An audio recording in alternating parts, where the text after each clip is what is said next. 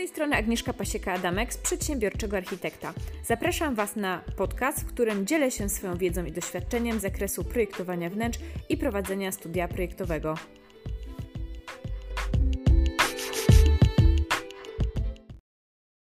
Nie jestem dzisiaj sama, moim gościem jest adwokat Agata Klima-Nowak. Cześć Agata. Cześć. Dzięki Agata, po... Bardzo proszę. Agata pomaga przedsiębiorcom i osobom też prywatnym jej motto to prawo dla przedsiębiorców prosto i praktycznie i rzeczywiście prosto i praktycznie tłumaczy zawiłe rzeczy na czacie na Facebooku, czy dobrze nas słychać i, i widać. Agatę znajdziecie w sieci na stronie prawodlaprzedsiębiorczych.pl. Ona jest też autorką e-booka dla architektów, projektantów wnętrz, projektant wnętrz i formalności. Możecie e, tą, tego e-booka znaleźć na, w sklepie agnieszkapasiekadamek.com. E, ona też stworzyła umowę dla architektów wnętrz, też tam znajdziecie tą umowę i mm, podzieliła się swoją wiedzą i doświadczeniem też na blogu przedsiębiorczyarchitekt.pl, więc jeżeli jesteście na początku drogi swojej projektowej, chcecie założyć studio, chcecie coś więcej e, wiedzieć na ten temat, to możecie sobie też e, poczytać. I dzisiaj będziemy rozmawiali, słuchajcie, o takim początku, tak? Czyli jak założyć firmę projektową, e, firmę projektowania wnętrz i czy w ogóle musimy ją zakładać. Więc o tym dzisiaj będę mówiła. I słuchajcie, żeby nie przedłużać, pierwsze pytanie do Agaty: jak samodzielnie działać jako projektant wnętrz jakie możliwości warto rozwa rozważyć na początku? Nie ma jednego dobrego rozwiązania dla wszystkich. Wszystko zależy od tego, jaka jest Wasza sytuacja, jak zamierzacie ten, ten biznes prowadzić. Jest kilka opcji, spośród których można wybierać. Hmm, taką najbardziej podstawową jest oczywiście prowadzenie działalności gospodarczej, jeżeli zamierzamy oczywiście rozwijać własną markę, własną firmę, bo jeżeli zamierzamy pracować dla kogoś, no to można być równie dobrze pracownikiem, można być zleceniobiorcą. Natomiast jeżeli idziemy na tak zwane swoje, to zwykle będzie to właśnie działalność gospodarcza, ale wszyscy wiemy, że na początku nie jest tak y, bardzo różowo i nie zawsze mm, klienci walą drzwiami i oknami, y, chcąc nam zostawić swoje pieniądze. Dlatego czasami warto mm, tak temat lekko pomacać, że tak powiem, i można to na przykład zrobić, zdobywać tych pierwszych klientów i projektować dla nich na umowę o dzieło. To znaczy podpisywać z nimi umowę o dzieło, to na początku może być dobry pomysł, ponieważ w przypadku projektantów wnętrz tutaj nie ma żadnych wątpliwości. Projekt jest dziełem. Y, I tutaj jakieś y, organy podatkowe czy ZUS nie powinny mieć żadnych wątpliwości, choć oczywiście jak się zaprą, to mogą próbować, bo robią naprawdę różne rzeczy, ale to, że z tego tytułu będziecie mieli jakiekolwiek problemy, jest tak mało prawdopodobne, że naprawdę warto spróbować. Oczywiście, gdy skala waszego działania się poszerza, gdy prowadzicie aktywny marketing, macie coraz więcej e, zamówień, zdobywacie podwykonawców czasami też, e, to to już nie są sporadyczne umowy o dzieło. To już jest regularna działalność gospodarcza. Także to, to dzieło, ono jest bardzo mm, wygodne i korzystne pod względem finansowym, Natomiast y, jeżeli ta nasza działalność jest taką rzeczywiście już y, rozpędzoną maszyną, mm, to to może przykuć y, uwagę Urzędu Skarbowego lub ZUS-u, że to jest jednak już działalność gospodarcza, od której powinniśmy odprowadzać regularne składki na ZUS, NFZ i normalne podatki. Może o tej umowie o dzieło powiem troszeczkę więcej, tak z Dobrze, a jeszcze wiesz co, hmm. powiedz, czy w ogóle trzeba na początku rejestrować, bo przecież teraz od kilku lat jest taka opcja, że obojętnie kto co wykonuje, może nie rejestrować tej działalności i do jakiejś tam kwoty może sobie działać nawet regularnie mhm. e, i wtedy też podpisuje ta osoba sobie umowę o dzieło jako osoba taka fizyczna, bez firmy i to jest, tak. nie wiem jaka kwota, to jest około 3000 zł teraz będzie? No właśnie nie, nie, to jest malutko, bo to, jest niecałe, to są niecałe 2000, bo tu chodzi Aha. o połowę minimalnego wynagrodzenia, poza tym chodzi o przychód, czyli to, co klient nam daje, niezależnie od tego, ile Jakie nam zostanie w kieszeni po odliczeniu kosztów. E, więc z punktu widzenia projektanta wnętrz, tak naprawdę, gdy rozliczamy się za projekt, na przykład, no, no nie wiem, na początku raz na trzy miesiące mamy projekt, e, to to nie jest do końca takie super korzystne, no bo jak nam klient zapłaci za projekt 6 tysięcy, to od razu przekroczyliśmy ten y, próg. Jedyne, co mi się wydaje takie w miarę możliwe w tej sytuacji, to rozbicie tej płatności na etapy lub na raty, tak? Czyli na przykład klient będzie nam co miesiąc płacił 1740 zł mhm. E, do czasu zakończenia tego, tego projektu. To jest tak naprawdę jedyne, co mi przychodzi do głowy, jak to można by rozwiązać, bo to jest y, działalność nierejestrowana, jest bardzo fajna, na przykład dla nauczycieli, dla lektorów, gdzie każdy klient taką kapkę daje, tak? Y, za godzinę, stówę za godzinę, albo dla rękodzielników na przykład, prawda? Y, lub dla jakiejś takiej niewielkiej księgowej, która na osiedlu księguje tylko swoim. E, natomiast jeżeli mamy projekt, to to są zwykle koszty dla klienta większe niż 1700 zł miesięcznie. Mm, no i e, trzeba wtedy troszeczkę pokombinować, żeby tego miesięcznego limitu nie przekroczyć. Więc to jest rozwiązanie, ale naprawdę na początek, no bo to jest kwestia jednego projektu raz na trzy miesiące, jeżeli to powiedzmy rozłożymy na raty, prawda? Maksymalnie. E, jeżeli chodzi z kolei o umowę o dzieło, to możemy ją zawrzeć i z firmą, i z osobą prywatną i nie odprowadzamy od tej umowy żadnych składek ani na e, ubezpieczenie społeczne, ani na, na ubezpieczenie zdrowotne. To pod względem kosztów jest bardzo fajne, natomiast trzeba pamiętać, że jak nie płacę składek, to nie mam ubezpieczenia ani społecznego, ani zdrowotnego. I o ile mój stosunek do ubezpieczenia społecznego jest taki, że to jest zwykły haracz, bo nikt przecież nie wierzy, że dostanie emeryturę czy rentę, a, a, już na pewno nie w odpowiedniej wysokości, to jednak ubezpieczenie zdrowotne, jak chcemy iść do naszego lekarza w pobliskiej przychodni, albo jak nas karetka zgarnia e, z mhm. ulicy, to się przydaje. E, jeżeli tego nie mamy z tytułu tych umów o dzieło, które, mm, które realizujemy dla naszych klientów, to musimy o to ubezpieczenie zadbać we własnym zakresie. E, albo trzymać się zdrowo, zdrowo się odżywiać. Tutaj Marta, Marta, pisze, Marta pisze w komentarzu, trzeba pamiętać o zgłoszeniu tej umowy do ZUS. Tak, niestety to, to jest, pojawiła to jest też nowy istotne, przepis. tak, mamy na to 7 dni. E, natomiast podatki od tej e, umowy odprowadzamy na koniec roku. I to też jest rzecz, o której trzeba pamiętać, znaczy na koniec roku po zakończeniu roku, tak jak się rozliczamy do kwietnia z normalnego PIT-a. E, o tym też trzeba pamiętać, że tak. nie wszystkie pieniądze, które dostanę od klientów, mogę wydać. To znaczy, mogę wydać, ale do kwietnia przyszłego roku muszę zarobić tyle, żeby zapłacić podatek. Mm, o tym, o tym trzeba pamiętać i taką dyscypliną też się wykazać, tak, żeby część tych środków y, zatrzymać po prostu. Zatrzymać y, lub tak sobie zaplanować finansowo rok, aby po jego zamknięciu wciąż mieć pieniądze na podatek, który będzie można, e, będzie trzeba zapłacić. W przypadku umów o dzieło, kiedy powstaje jakiś utwór, e, warto pamiętać o tym, że podatek możemy zapłacić od połowy tego przychodu, ponieważ możemy sobie odjąć od podstawy opodatkowania 50% kosztów uzyskania przychodów. Czyli więcej w kieszeni zostaje klient, więcej zostaje też mniej, tak. może mniej też teoretycznie zapłacić, czyli możemy być, nasza usługa może być konkurencyjna. Mhm.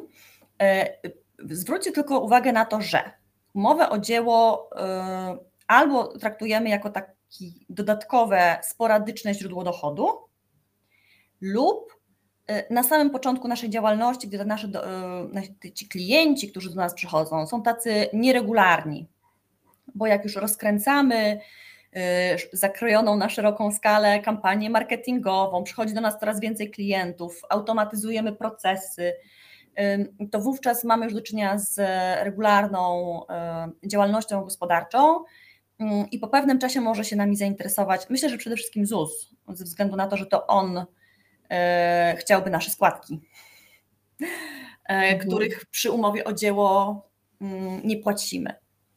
Mm, dlatego no, dzieło jest fajne, naprawdę. Umowa o dzieło w Waszym przypadku jest fajna, nikt jej nie zinterpretuje jako na przykład umowy zlecenia, od której potrzebne są też składki na ZUS. Mm, wasza działalność to jest ewidentnie tworzenie jakiegoś dzieła, natomiast na szerszą skalę może być traktowane jako działalność gospodarcza. Jasne, jasne.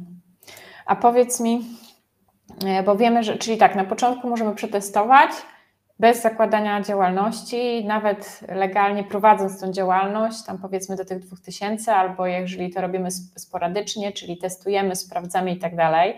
Ja też o tym w ogóle, jeśli chodzi o, o zakładanie działalności, to też zapraszam Was gorąco w poniedziałek 20 marca 18, bo będziemy mieli webinar o starcie w branży projektowej. Tak a propos tego, co zrobić na początku, więc dzisiaj o tym nie będę mówiła.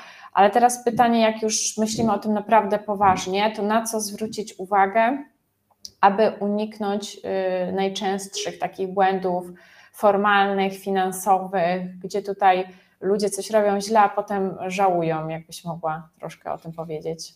Um, oprócz tego, że oczywiście trzeba przemyśleć, jaki biznes chce prowadzić, do jakiego klienta i z kim, prawda? Bo, bo jakby za, zarejestrowanie działalności to jest taka wisienka na torcie. Tak naprawdę nie od tego się zaczyna. Trzeba mieć po prostu pomysł na biznes i policzyć, czy się domknie. To to, to jest Twoja działka, to Ty powiesz o tym na, pewnie na tym webinarze.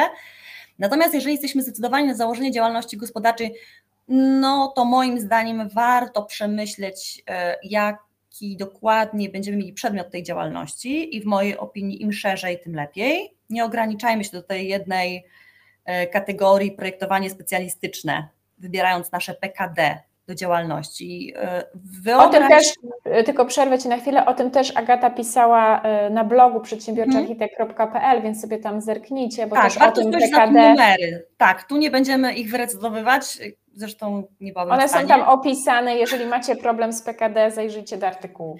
Tak, i ja uważam, że powinniście sobie wyobrazić, jak chcecie rozwijać tą działalność i pójść szeroko. Tak, co prawda dopisanie PKD niewiele, nic nie kosztuje i to nie jest duży zachód, ale wiele osób potem o, tym nie pamięta, a y, warto, żeby, żeby ta działalność od razu była sformułowana dość szeroko.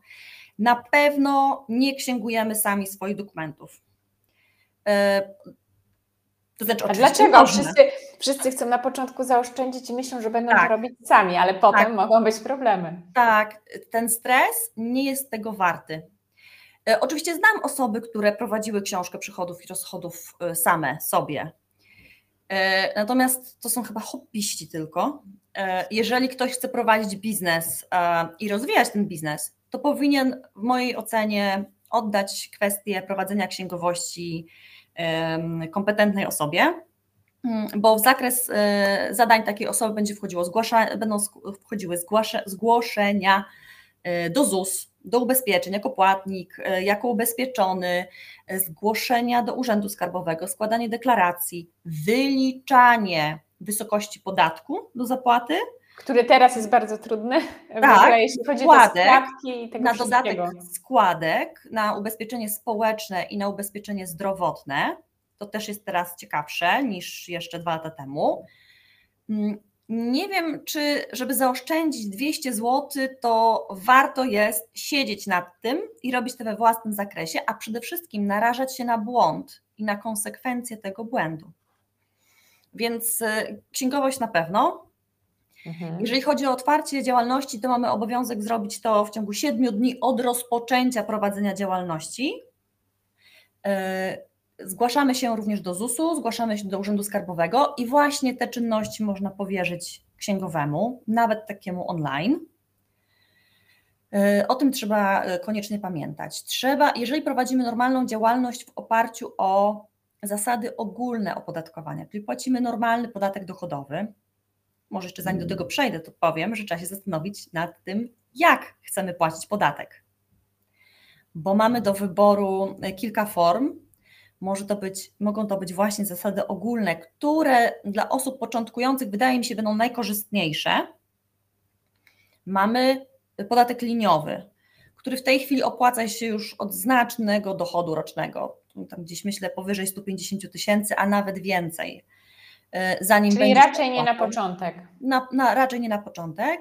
Mamy też ryczałt y, od przychodów, y, który w Waszym wypadku wynosi 14%, ale mhm. nie odejmujemy wtedy kosztów.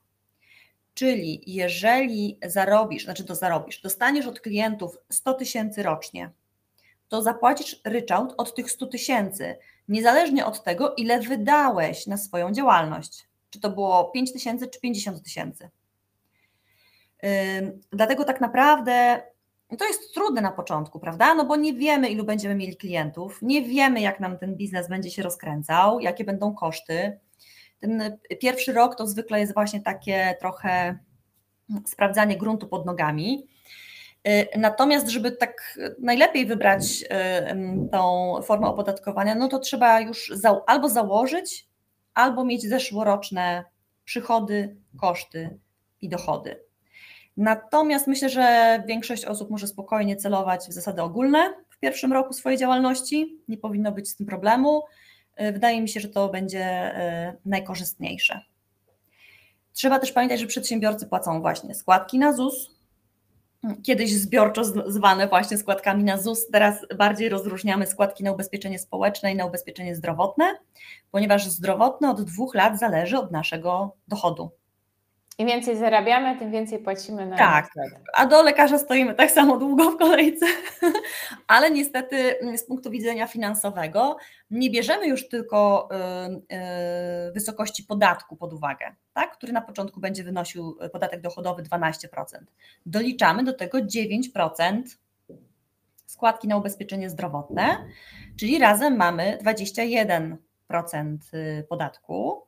I o ile kwestii podatku mamy 30% rocznie kwoty wolnej od podatku, to nie ma kwoty wolnej od składki na yy, zdrowotne. Zdrowotnej. Yy, czyli od pierwszych 30 tysięcy, które zarobimy, płacimy 9% obciążeń. Tak. Potem powyżej 30 płacimy 21%, a powyżej 120 tysięcy, no to już wychodzi ile? 41%. 41%. I mało kto o tym wie, bo mało się o tym mówi, bo ten podatek jest ukryty właśnie w tej składce zdrowotnej. Pojawiło się pytanie, a jeśli planujemy jednocześnie pracować u kogoś i rozkręcać e, własną działalność jednoosobową? Jak najbardziej jest to możliwe, o ile e, nie macie z pracodawcą zawartej e, umowy o zakazie konkurencji. Pamiętajcie również, że Y, pracownik ma obowiązek lojalności wobec pracodawcy. Więc jeżeli pracujecie dla kogoś, komu, nie wiem, prowadzicie biuro albo marketing, a no tak mówiąc brzydko, na boku projektujecie wnętrza, to nie ma problemu. Y, natomiast jeżeli pracujecie w biurze projektowym, mm, no to tak może być różnie, nie? Y, to odebrane, y, bo pracodawca może mieć obawy, że przychodzi Kowalski do jego biura projektowego, a wy mówicie, tak, tak, ja tu pracuję dla, y, dla, dla tego biura, ale ja to zrobię panu taniej, po godzinach. Mhm. No to, to jest oczywiście nielojalne, natomiast może się zdarzyć, że wasz pracodawca projektuje konkretne obiekty albo dla konkretnych osób, albo w konkretnym stylu, a wy prywatnie robicie coś innego, też projektowanie, ale jednak e, no tutaj może być dużo różnic, to nie powinno być to, to nie powinno to budzić e, wątpliwości pracodawcy. I jeżeli to są dwie różne branże, tak? Prywatnie projektuję, a w pracy robię, nie wiem, jeżdżę ciężarówką, e, to nie ma problemu.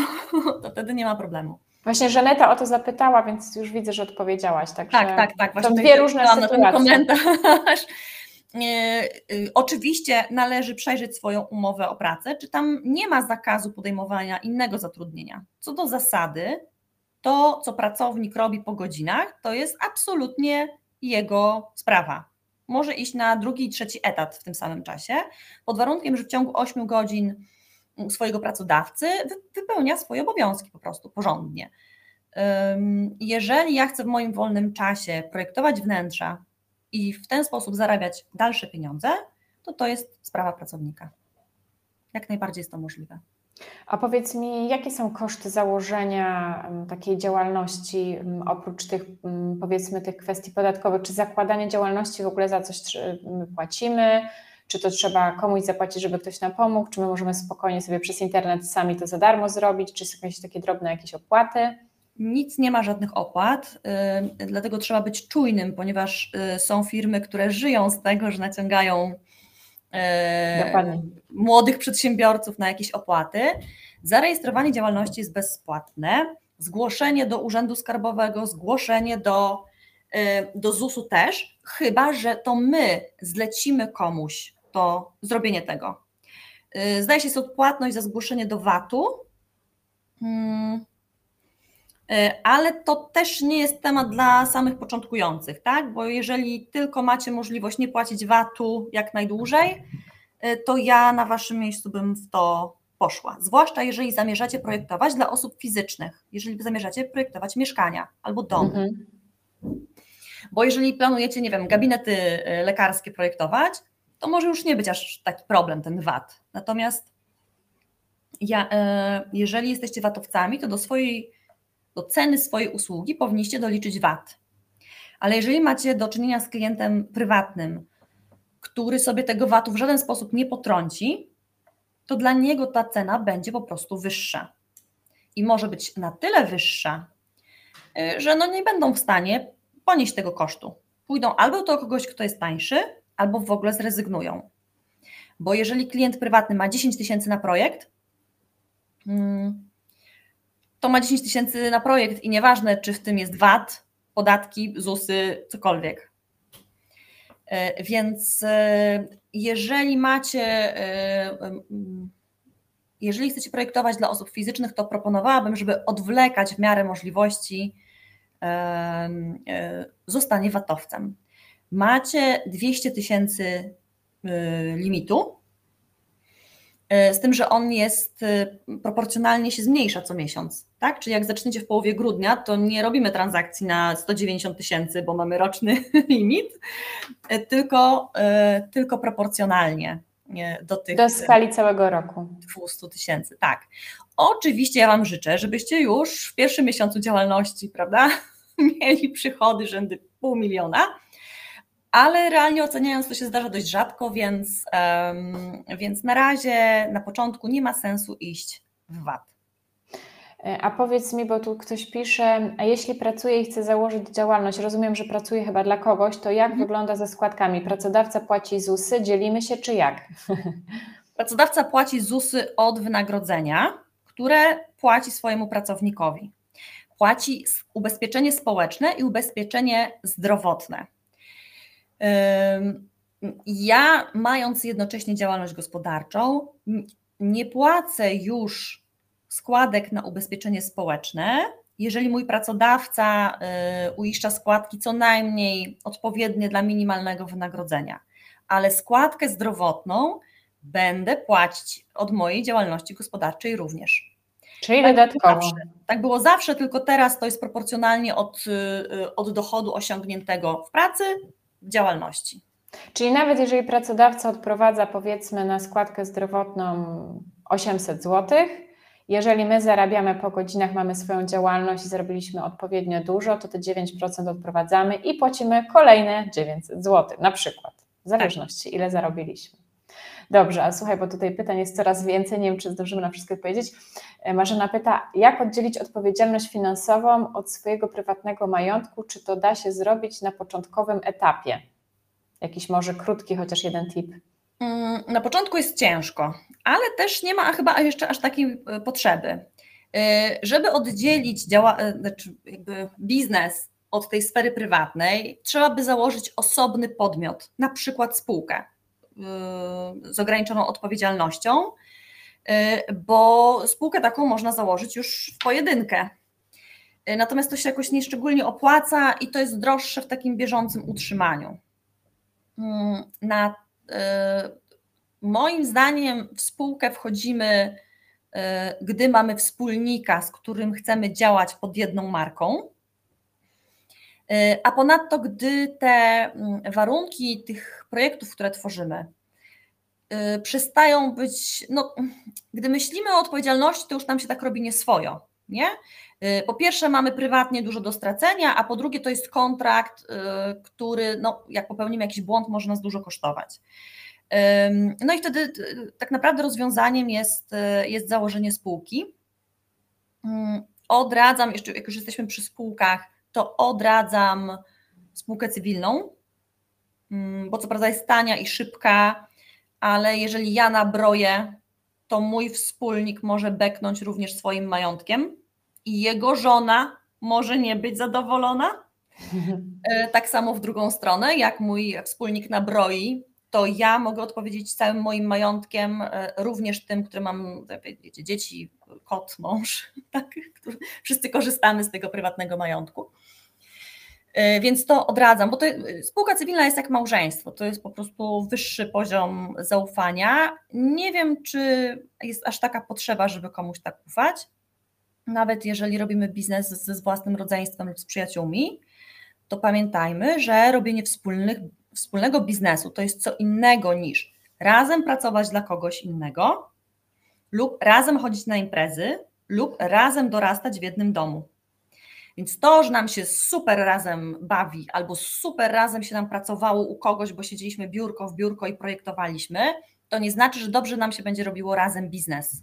Tak, to jest zupełnie bo, coś innego. Tak, bo to, że oboje dobrze projektujemy, to nie znaczy, że mamy takie same podejście do biznesu, taką samą tolerancję ryzyka, taką samą otwartość.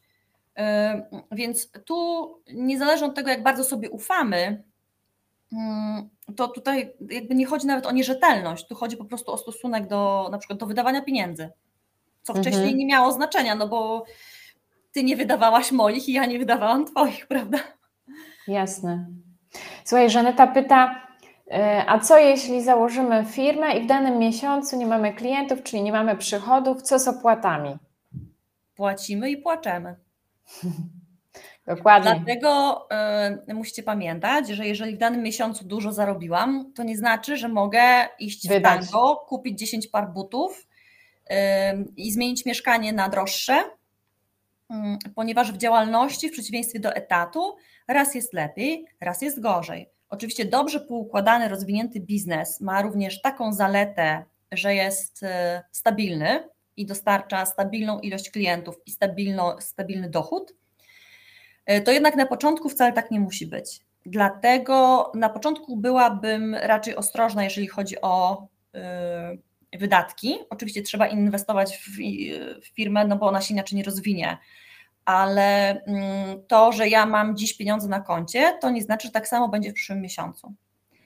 I moja rada jest taka, i sama się stosuję do tej rady, jest taka, że pomimo, że ja jestem jednoosobowym przedsiębiorcą i tak naprawdę nie ma jakby rozdzielności oficjalnej między pieniędzmi firmowymi a moimi prywatnymi na te buty, mhm. E, to jednak ja osobiście je bardzo rozdzielam i ja sobie na koniec miesiąca wypłacam pensję. I to jest taka pensja, aby na koncie mojej firmy zostały pieniądze na najbliższe inwestycje, podatki, e, kolejne miesiące, żeby tam wciąż były pieniądze na gorsze momenty.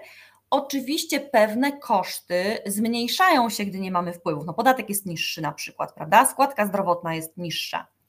Y, niemniej, no jeżeli mamy jakiś czynsz, jeżeli mamy jakiś samochód, ratę za coś, y, opłaty za oprogramowanie, to je po prostu musimy płacić. Czyli w tym miesiącu, w tych miesiącach grubych, tak, tłustych, pamiętamy o tym, że mogą nastąpić miesiące chude. E, kolejne pytanie, a jeśli praca na etacie dotyczy projektowania tylko kuchni i łazienek, a na własną działalność chcemy działać kompleksowo, czy można, to, y, czy można w to iść bez zakazu konkurencji w umowie?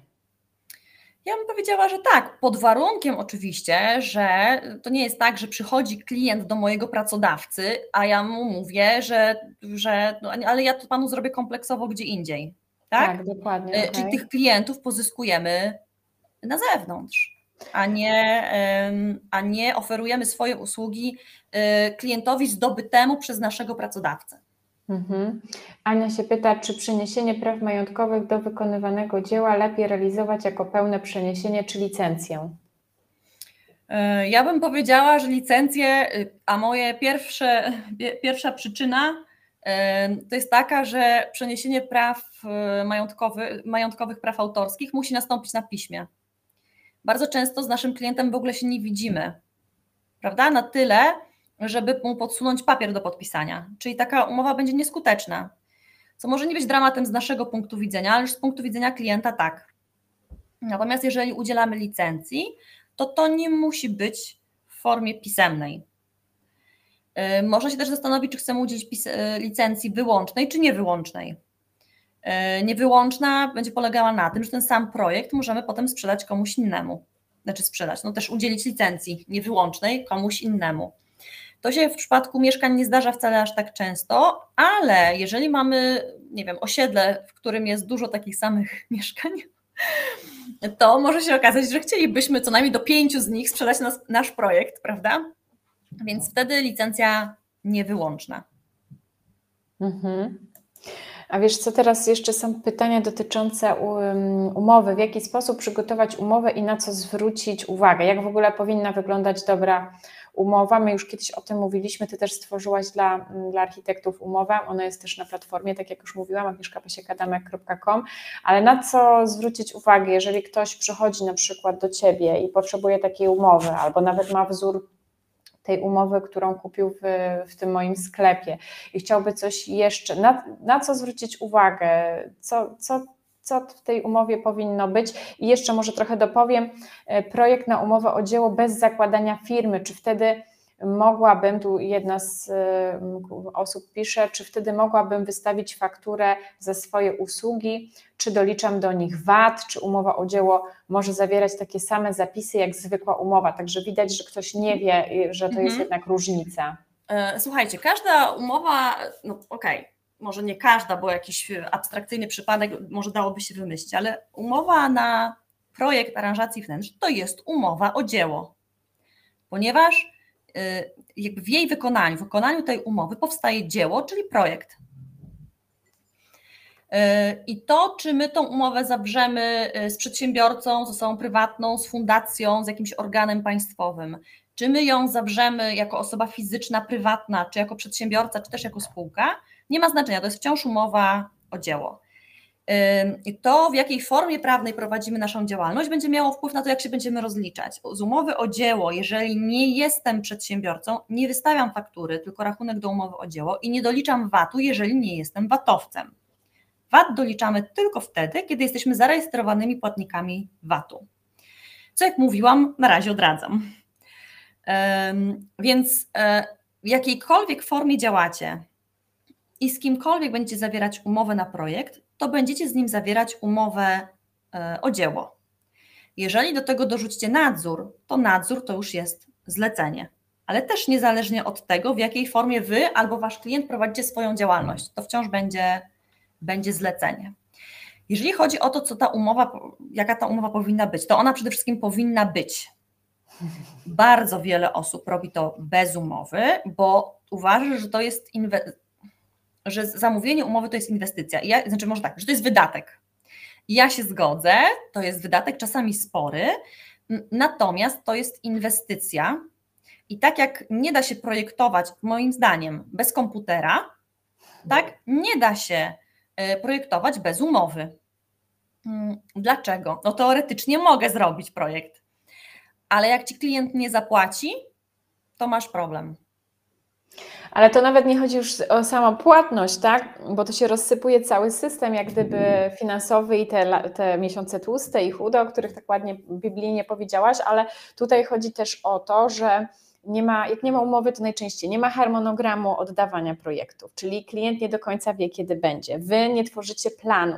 Głównym problemem w ogóle architektów jest to, czy projektantów, że nie umieją zarządzać e, projektem w czasie, czyli nie umieją planować w kalendarzu, nie umieją tego rozpisać, nie umieją dobrze wyceniać, by nie umieją rozpisać, nie liczą czasu swojej pracy, potem nie planują, wpisują jakieś abstrakcyjne terminy tam dla siebie, umowy nie ma, harmonogramu nie ma, więc klient nie wie, kiedy dostanie. I nagle projektant przez trzy miesiące nic nie robi, nagle się budzi, że coś robi, wysyła do klienta, a klient mówi, no wie pan co, no, no nie podpisaliśmy umowy, no ja już mam kogoś innego, a ten architekt zdziwiony, ale jak, no przecież pan nic nie mówił, no ale pan też nic nie mówił, pan nic nie wysłał, nie było umowy, nie było terminu, no ja stwierdziłem, że jak ma pan tam jakieś problemy, zdrowotne, no to pan nigdy tego nie zrobi, ja w sumie się przestraszyłem, no i zatrudniłem kogoś innego i tak dalej. I te wszystkie niejasności biorą się właśnie z braku umowy, z braku dobrej też umowy, bo im lepsza umowa, tym mniej niejasności, tak, bo jest określone, kiedy co oddajemy, co zawiera każdy etap, tak, po kolei, w jakim programie jest robiony, w jakiej formie nawet jest oddany, tak, tak jak Mhm. we wzorze, który tworzyłaś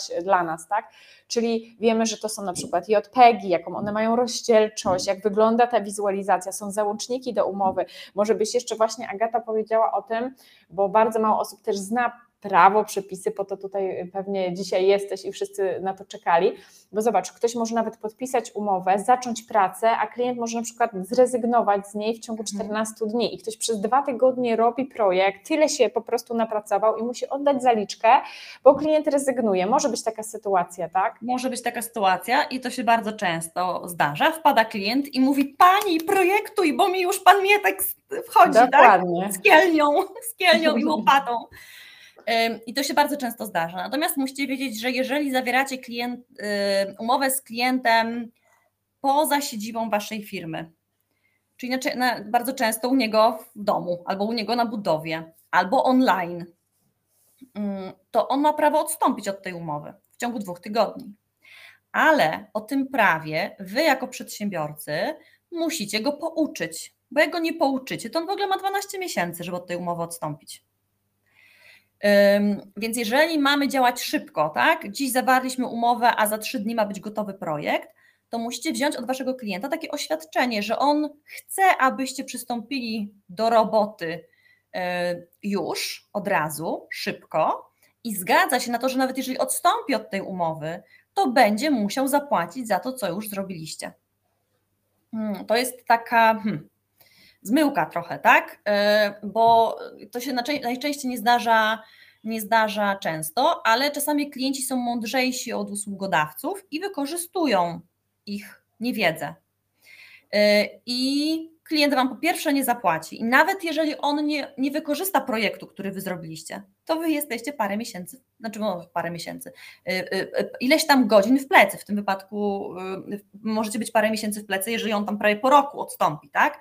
Mm, Ale jeżeli, jeżeli odstąpi w ciągu dwu, 14 dni, a Wy już się narobiliście, bo on chciał szybko, szybko, szybko, no to, no to tracicie to. I co z tego, że on nie skorzysta z projektu? Przecież Wy tego projektu sobie nie, nie sprzedacie komuś innemu. Dokładnie, Może słuchajcie. się dla- da, ale to i tak wymaga modyfikacji, prawda?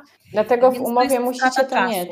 Mhm. Dlatego w umowie musicie to mieć i jak Agata tworzyła wzór umowy na podstawie moich jakichś poprzednich też doświadczeń i moich poprzednich umów i tak dalej, to my ciągle ulepszaliśmy jak gdyby ten wzór, bo zawsze można pomyśleć, co tam jest lepszego do zrobienia i właśnie takie oświadczenie też powinno, słuchajcie, tam też się znalazło i wy też powinniście coś takiego mieć. Tutaj tyle jest tych pytań, ja nie wiem, czy dam radę, ale może jeszcze jakieś jedno. mm, Agata, ym, tutaj Ci przeczytam, a jak jest z tymi składkami zdrowotnymi, kiedy mamy JDG, ale pracujemy u kogoś na etacie, od 1 stycznia 2023 pracując u kogoś i na własnej działalności nie mamy z własnej działalności obowiązku płacenia. Ale to chyba już odpowiadałaś, że musisz Składkę płacić. zdrowotną płacimy Musimy zawsze. płacić zawsze. Macie obowiązek, obojętnie jak pracujecie u kogoś. Emerytalne, rentowe, chorobowe nie, jeżeli zarabiamy co najmniej minimalną krajową na etacie.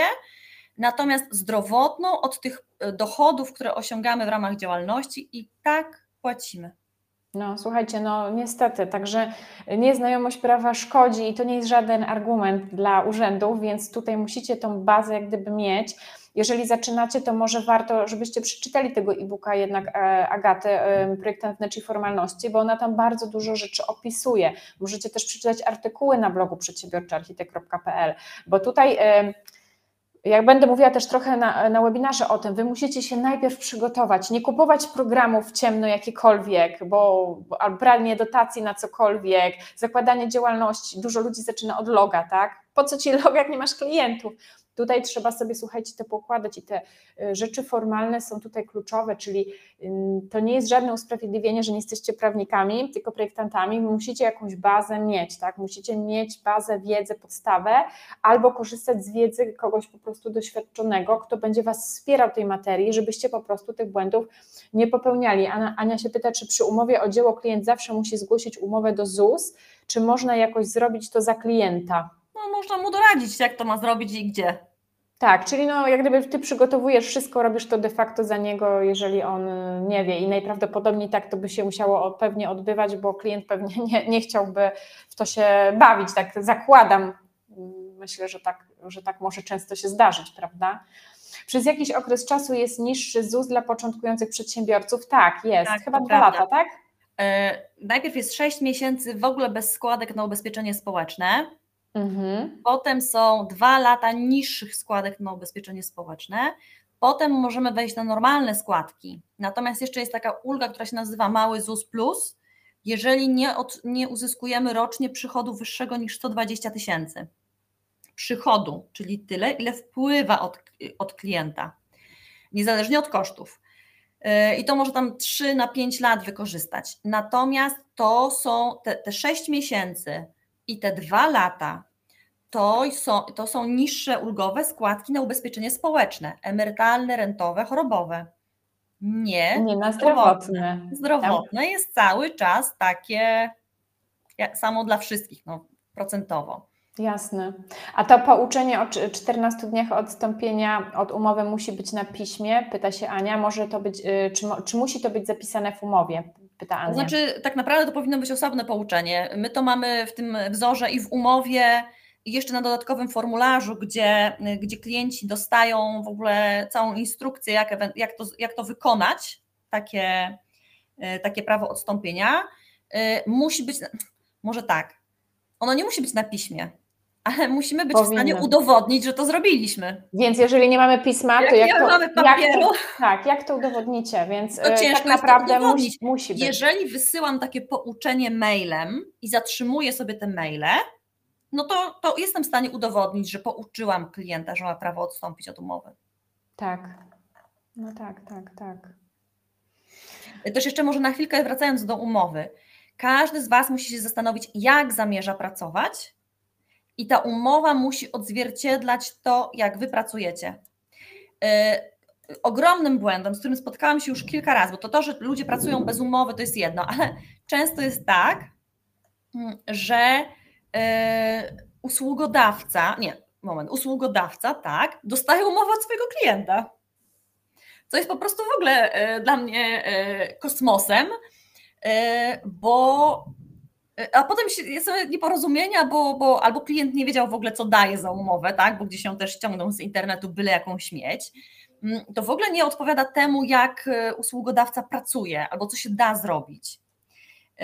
Więc no, to jest duży problem. Nie, nie róbcie tego. To po pierwsze wygląda nieprofesjonalnie, po drugie, po drugie to proszenie się tak naprawdę o kłopoty, bo to wy y, musicie do pewnego stopnia narzucić, jak będziecie z klientem pracować, do czego wy się zobowiązujecie i czego oczekujecie od klienta.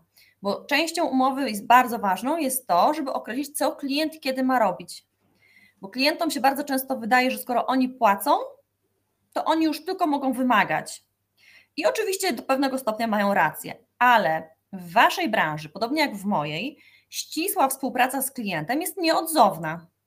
Jak ja mam napisać apelację, a klient się nie odzywa, to ja nie będę w stanie jej złożyć. Mhm. E, I tak samo jest e, u Was, tak? Jeżeli klient nie, odpowiada, nie zatwierdza jednego etapu, no to jak przejść do następnego? Więc Wasza umowa musi również regulować takie kwestie.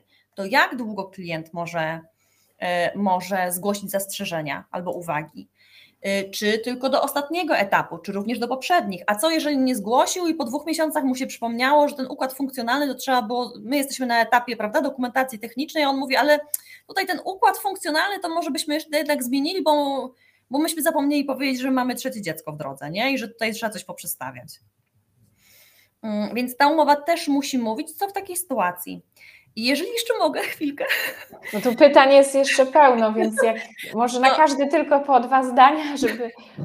To słuchajcie, bo jeszcze to, z czym często się spotykam, że już w umowie jest bardzo dużo przewidzianych sytuacji, że strony uzgodnią, strony uzgodnią, strony porozumieją się, strony ustalą trzeba tego unikać. Nie zawsze się da, ale trzeba tego unikać w miarę możliwości, ponieważ e, umowa jest na wypadek, gdyby się strony nie porozumiały, nie dogadały, e, albo w inny sposób ta współpraca by się jakoś zacięła. Więc wtedy odwołujemy się do umowy. I jak tam jest napisane, że się strony ugadają, a się nie ugadują, to mamy problem. Tak? tak. Umowa musi mówić, mu, musi być tak sformułowana, żeby się do niej móc odwołać, gdy już się nie dogadujemy z jakiegoś powodu. Czyli musi być będziemy dogadywać, konkretna. Tak, to, nie ma, to nawet nie trzeba zaglądać do umowy, nie? E, ale, mm, ale na wypadek, gdyby przestało być dobrze, to trzeba móc spojrzeć do instrukcji obsługi naszej relacji, czyli do umowy, i tam sprawdzić, kto teraz co powinien zrobić. Mhm. Dobrze. Zgubiłam niestety tutaj. Wiesz co, e, jakbyś mogła pytanie. jeszcze dwa zdania na to pytanie i na kolejne też dwa zdania, tak krótko, najwyżej sobie doczytają w, na nas blogu albo w workbooku, czy można cały czas prowadzić ODG i nie być VAT-owcem, czy ten VAT zależy od wysokości zarobków? Wiemy, że tak, tak ale nie tylko. limit, yy, chyba że yy, udzielacie konsultacji, doradzacie, to wtedy jesteście VAT-owcami niestety już od pierwszej złotówki. Tak, doradztwo. Ale jeżeli projektujecie mhm. i wystrzegacie się doradzania i konsultowania, y, to do 200 tysięcy przychodu rocznie um, możecie nie być watowcem. Wracając do zgłoszenia ZUS, czy projektant ma obowiązek informowania klienta o zgłoszeniu umowy do ZUS? Nie. Okej, okej. Okay, okay. Słuchajcie, no zachęcam Was gorąco, żebyście zerknęli e, na bloga, przeczytali sobie artykuły Agaty. Jeżeli będziecie czuli, że nie znacie jeszcze odpowiedzi na jakieś pytania, to możecie przeczytać e, całego e-booka, bo tam mnóstwo tematów jest. Możecie sobie w workbooku pobrać spis i zobaczyć, czy Wasze pytanie jest. Jeżeli jest, no to na pewno jest też i odpowiedź. Ja gorąco Was zachęcam też, żebyście przyszli w poniedziałek, 20 y, marca 18, bo będę prowadziła właśnie webinar o tych innych rzeczach, o których dzisiaj Agata, y, słuchajcie, nie mówiła, czyli projektowanie wnętrz, jak wystartować i nie żałować. Niedługo będzie workbook razem z warsztatami y, dostępny. Warto być w poniedziałek, bo będę miała niespodziankę, więc warto, słuchajcie, być w poniedziałek. Jeżeli będziecie oglądali powtórkę tego materiału za jakiś tam czas, to pewnie będzie podlinkowany też ten workbook. Ja chciałabym Ci, e, Agata, gorąco e, podziękować za poświęcenie czasu, za odpowiedzi na te wszystkie pytania. Jak widać, rzeczy są niby proste, oczywiste, dużo już o tym mówiłaś wcześniej na poprzednich e, live'ach, webinarach, bo mieliśmy też taki webinar w ogóle Nowym Ładzie, cały, zamknięty, więc zobacz, cały czas się pojawiają te same pytania, cały czas są wątpliwości, ten, ten, ten system, który niestety mamy tutaj w naszym kraju jest coraz bardziej skomplikowany, coraz bardziej, coraz więcej płacimy tych podatków, ludzie coraz bardziej się pewnych rzeczy obawiają, no i mają właśnie ten lęk przed wystartowaniem, także no, y, jesteśmy na pewno wszyscy, którzy tutaj są, są wdzięczni, dajcie znać, mogą być lajki, serduszka, czy Wam się podobało, udostępniajcie, słuchajcie to, bo wiedza Agaty jest bezcenna i tak jak widzicie w, prosty i zrozumiały e, sposób to tłumaczy, co wcale nie jest takie oczywiste, bo nie każdy tak e, potrafi. Tutaj ktoś się pytał jeszcze o jakie konsultacje chodzi. No konsultacje z tym VAT-em, no chodzi o konsultacje, e, jak masz konsultacje na przykład online albo offline, nie wykonujesz projektu, tylko tak, jak konsultacje doradza, wnętrzarskie, tak? doradztwo, wtedy mm -hmm. musisz być na VAT-ie, także o tym też owatowana działalność i tutaj nie działa to zwolnienie do 200 tysięcy. Już od pierwszej złotóweczki, jeszcze, jeszcze człowiek nic nie zarobił, a już, już niestety jest watowcem. Na to są pewne sposoby, żeby, żeby nie udzielać konsultacji, Trzeba robić po prostu inne formy, trzeba sobie tak, tak stworzyć pakiety, żeby to nie były konsultacje, ale tak, to, tak, tak. To, e, to no po prostu to nie, nie może być, a już na pewno nie może być wprost nazwane konsultingiem, doradztwem, e, konsultacjami. Ania pisze dziękuję, kolejna Ania dziękuję, my również dziękujemy, ja te, Tobie też również dziękuję Agato. Bardzo dziękuję za zaproszenie. Zaglądajcie też, e, zaglądajcie też do, mm, nie tylko do naszego bloga, ale też do bloga Agaty, czyli prawo dla przedsiębiorczych.pl. Widzimy się 20 marca o 18. Mam nadzieję, że się zapisaliście, bo 700 osób się zapisało. Yy, mam nadzieję, że nam nic nie wybuchnie, serwery i w ogóle, bo jeszcze nie wiadomo, ile będzie osób do poniedziałku. Yy, bądźcie na żywo, nagranie jest, jest na żywo, więc musicie być na żywo, bo potem ono szybko znika i nie będzie dostępne, a wiedza będzie naprawdę wartościowa, mega. Więc warto być na żywo. Ja będę też odpowiadała na Wasze pytania i do zobaczenia w kolejnym ABC przedsiębiorczego architekta. Do zobaczenia. Do zobaczenia.